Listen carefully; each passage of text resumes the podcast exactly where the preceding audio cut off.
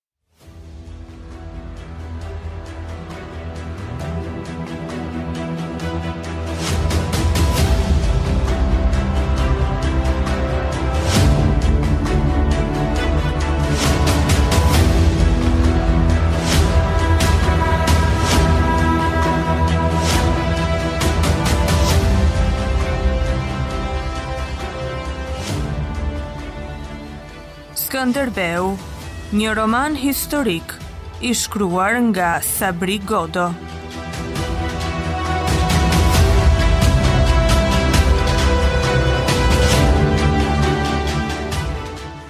Kapitulli 23, pjesa e dytë.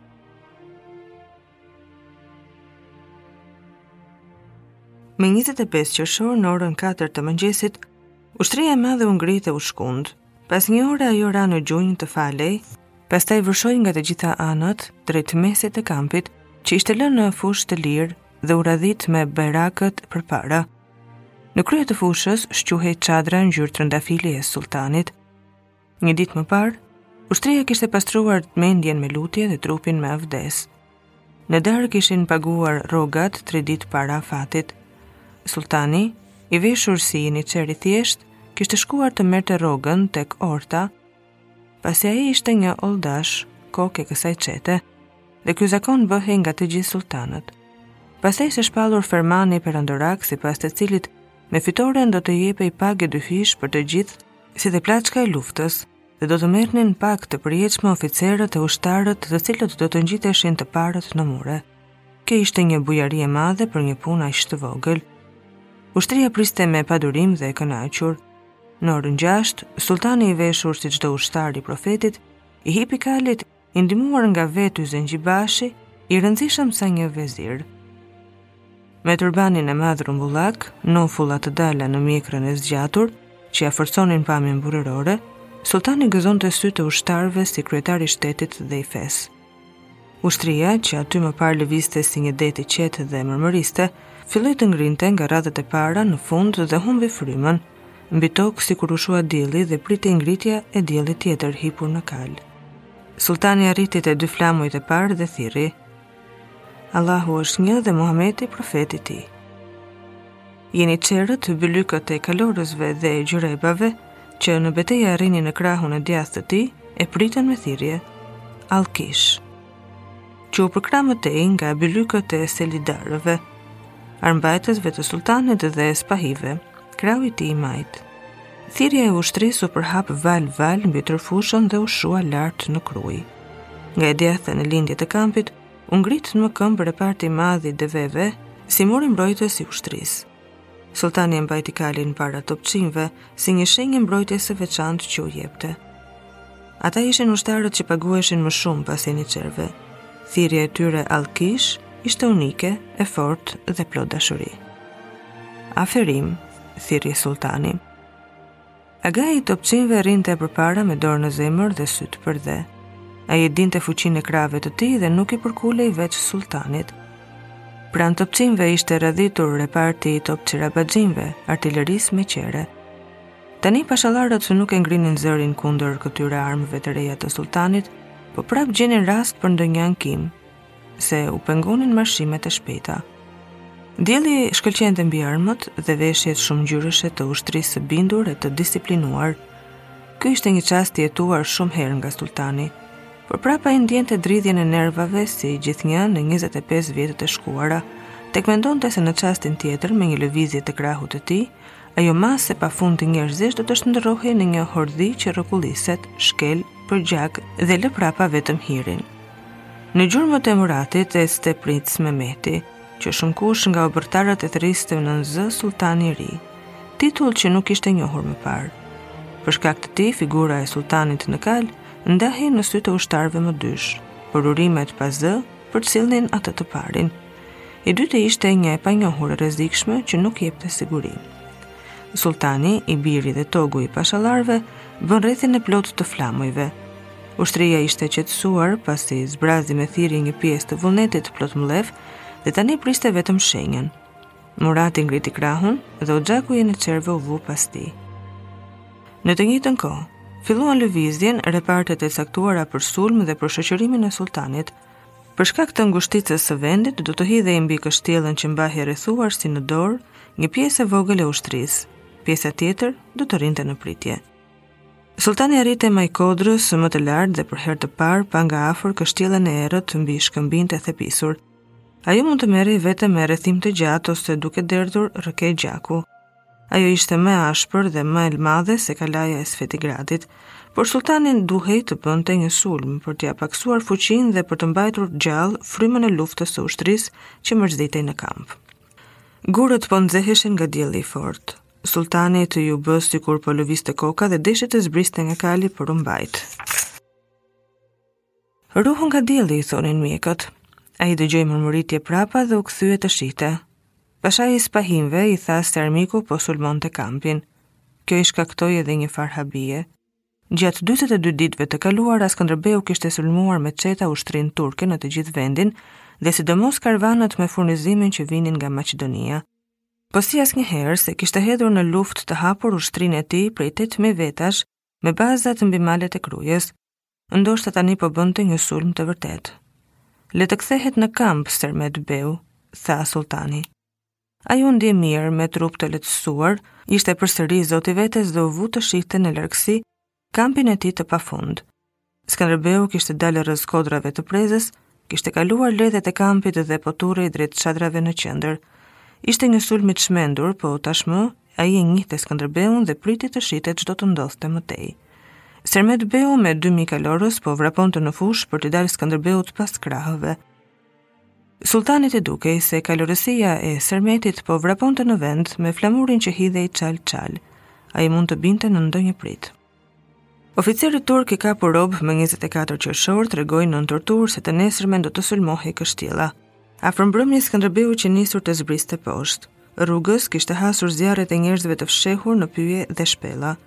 Secili prej tyre kishte dashur t'i jepte diçka për të ngrënë, pa e pyetur për Krujën, sikur aty të kishin një të sëmurë të përbashkët në lëngim të rëndë, emri i të cilit nuk duhej zënë në gojë. Nuk e kishin pyetur as se çfarë do të bëhej. Atë që po ndodhte e që duhej të ndodhte, e dinte vetëm ai. Skënderbeu kishte zbritur tek Shpella e Kuqe me shpirtin e turbulluar thellë. Aty takoi dy oficerët e Vranakontit, i pyeti me hollësi dhe u dha një letër për komandantin. Poshtë ndrisnin nën hënë çatitë me pllaka të shtëpive të kështjellës që ia mbanin kurrizin mbuluar. 1500 vullnetarët e betuar dhe 300 krutanët jetonin aty të veçuar nga bota prej 42 ditësh me armët ngjeshur dhe në gjumë. Në kthim Skënderbeu nuk i kishte parë zjarret e njerëzve në arrati se eci rrëz malit. Në kthim Skënderbeu nuk i kishte parë zjarret e njerëzve në arrati se eci rrëz malit. Ata po flinin pa e ditur se të nesër me ndoshta ndahej fati i tyre. Në grykën e lumit Dros, Skënderbeu takoi Mojsiun e Tanushin. Po zbriste aty që nga mali Tumenisht te Sarisalltiku, e gjithë ushtria që do të ecte gjatë natës përmes fushës me pyje e shkurre, për t'i dalë kampit armik në jugperëndim në befasi të plotë. Skënderbeu kishte fjetur përtokë dy orë, kur i thanë se sulltani po ngjitej në Krujë. Ai e pa se dielli ishte ngjitur lart. Bredhjet e natës kaluan në harresë. Tani do të ndodhte diçka që mund të ndryshonte rrjedhën e luftës, të shpëtohej Kruja dhe të bëhej rrëmujë kampi armik, për ta thyer pastaj pjesë-pjesë. Ai u nis nga lartësia e Kodër Gjeçajt me 4.000 këmbësorët e Tanush Topisë dhe 2.000 këmbësorët e gardës së vet, ndërsa Moisiu me 1.000 kalorës mbetej në pritë buzë lumit për të ruajtur krahët.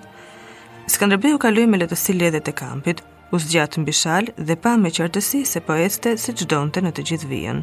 Përballë po grumbulloheshin kalorës e këmbësor turq në çrregullim që ai do t'i zaptonte me vrull e sipër.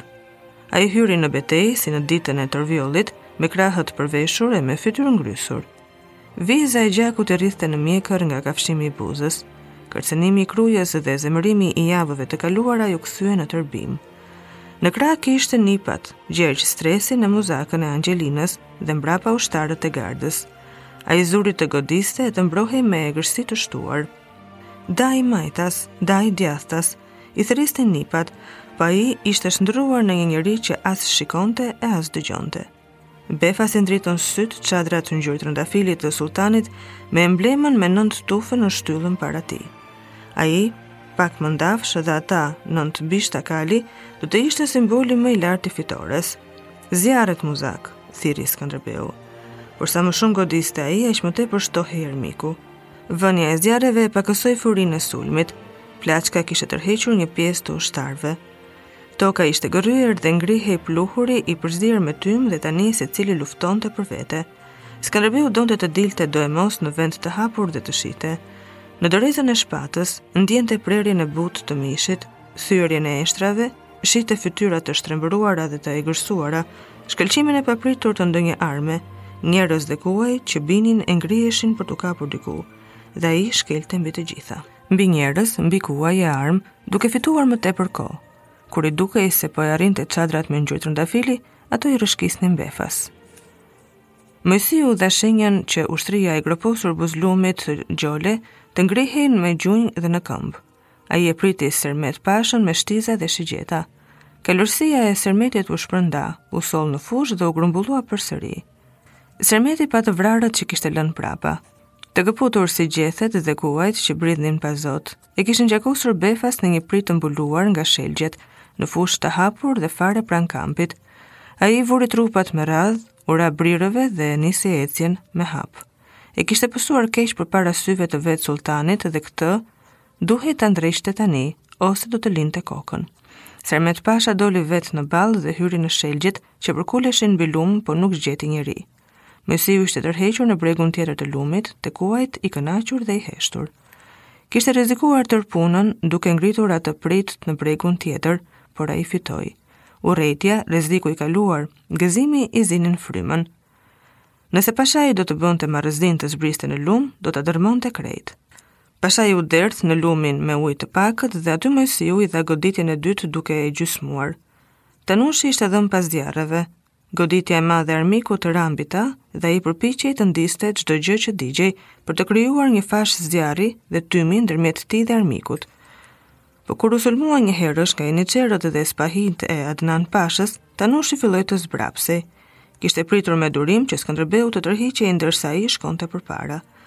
Tanushi nisi kalorësin e tretë që t'i thoshte se duhej të tërhiqej dhe vetë filloi të zbrapsej deri te ledhet e kampit. Skënderbeu u ngrit në kalë, pa zhvendosjen e Tanushit dhe shau. Prapa dajë, tërhiqu, thirri Gjergj Stresi që mezi arriti të mbulonte krahët. Dhjetë hapa më tej, armiku ishte kthyer ballas. Skënderbeu pa mburojat, shtizat, radhët e tyre të shtrënguara dhe fytyrat që kishin marrë zemër dhe diçka po sajonin. Ata po hapeshin në formë gjysmërrethi. Ishte koha të tërhiqej, nëse nuk kërkonte vdekjen. Por ai ishte një burrë i fuqishëm, 45 vjeçar dhe ushtria duhej të shihte në të heroin që përmbys armikun me topuz dhe shpatë. Ai e ngriti kalin arithi. Muzaka i Angjelinës i kishte dalë në krah. Atëherë Gjergj Stresi u turr dhe ai me 50 kalorës, i sigurt se do të humbiste veten. Skënderbeu ra në mes të gardhit armik dhe e theu. Prapa dajë, thirri Gjergji.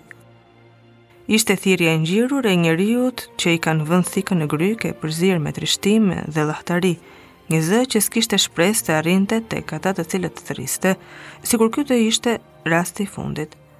Skënderbeu ktheu kokën të shihte nëse ishte vrarë Gjergji dhe pa se gjendej i rrethuar. Kali u drodh i tëri dhe u ngrit mbi këmbët. Me kokën lart, sikur po hingëllinte, Skënderbeu pa qafën e prerë të kafshës, shpatullën e djathtë të shembur dhe një dhimbje e tmerr njerëzor në sytë e saj të shqyer. Kafsha ishte ngritur të zbrapste vdekjen, duke mbledhur frerin në grushtin e mburojës që kafsha të ngordhte në vend ose të kthehej, ai e detyroi të dredhonte me fuqinë e krahut. Prapa thirri Skënderbeu. Ai kishte përballë një armik 10 herë më të madh në numër dhe ajo s'mund të ishte dita e fundit e luftës. Tani që tërpuna ishte te gjunjët e kalit, Skënderbeu iu mbërthye me gjunjë në bark e që t'ia lehtësonte peshën të bëhej një me të dhe e goditi në thembra duke i kërkuar fuqinë e fundit. Kali kuptoi dhe u hodh. Skënderbeu i priste goditjet vetëtimthi. Njëzet hapa më tej kishte dalë nga rrethimi dhe gjendej në radhët e të tijve.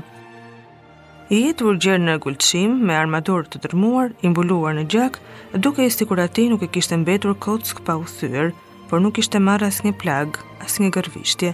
E kishte kaluar gardhin e armiqve me një besim të verbër në yllin e tij dhe kishte ngjarë një mrekulli, një nga të shumtat, që do të ktheheshin në legjendë. Ai hipi një kali tjetër dhe përfshiu vendin me sy. Tanushi po tërhiqej ngadalë, aq ngadalë sa dukej sikur po rikthehej befas.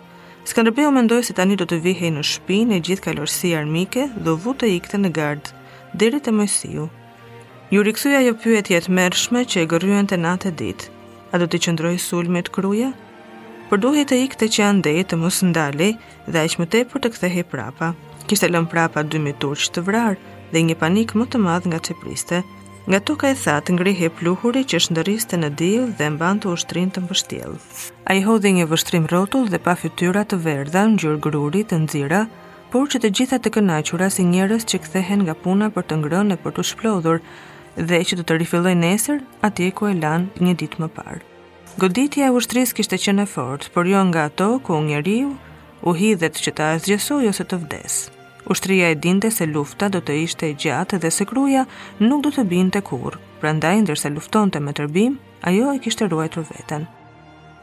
Prej nga vinte kjo bindje e brendshme e ushtrisë, duke iu ftohur gjaku, e shihte se mendimi për ta vënë sultanin ndërmjet Krujës dhe sulmeve në fushë, për t'i krijuar rreth e qark shkretëtirën dhe ta asgjësuar Pjesë-pjesë po bëhej e vërtetë. Uli kokën që të mbrohej nga pluhuri dhe iu shpejtua frymëmarrja nga një farë mallëngjimi që nuk e dinte as shkakun, por që diku e kishte ndier edhe në të shkuarën.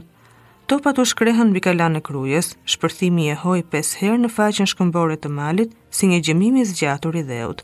Tani zemra i thoshte Skënderbeut se kështjella nuk do të jepej kurrë.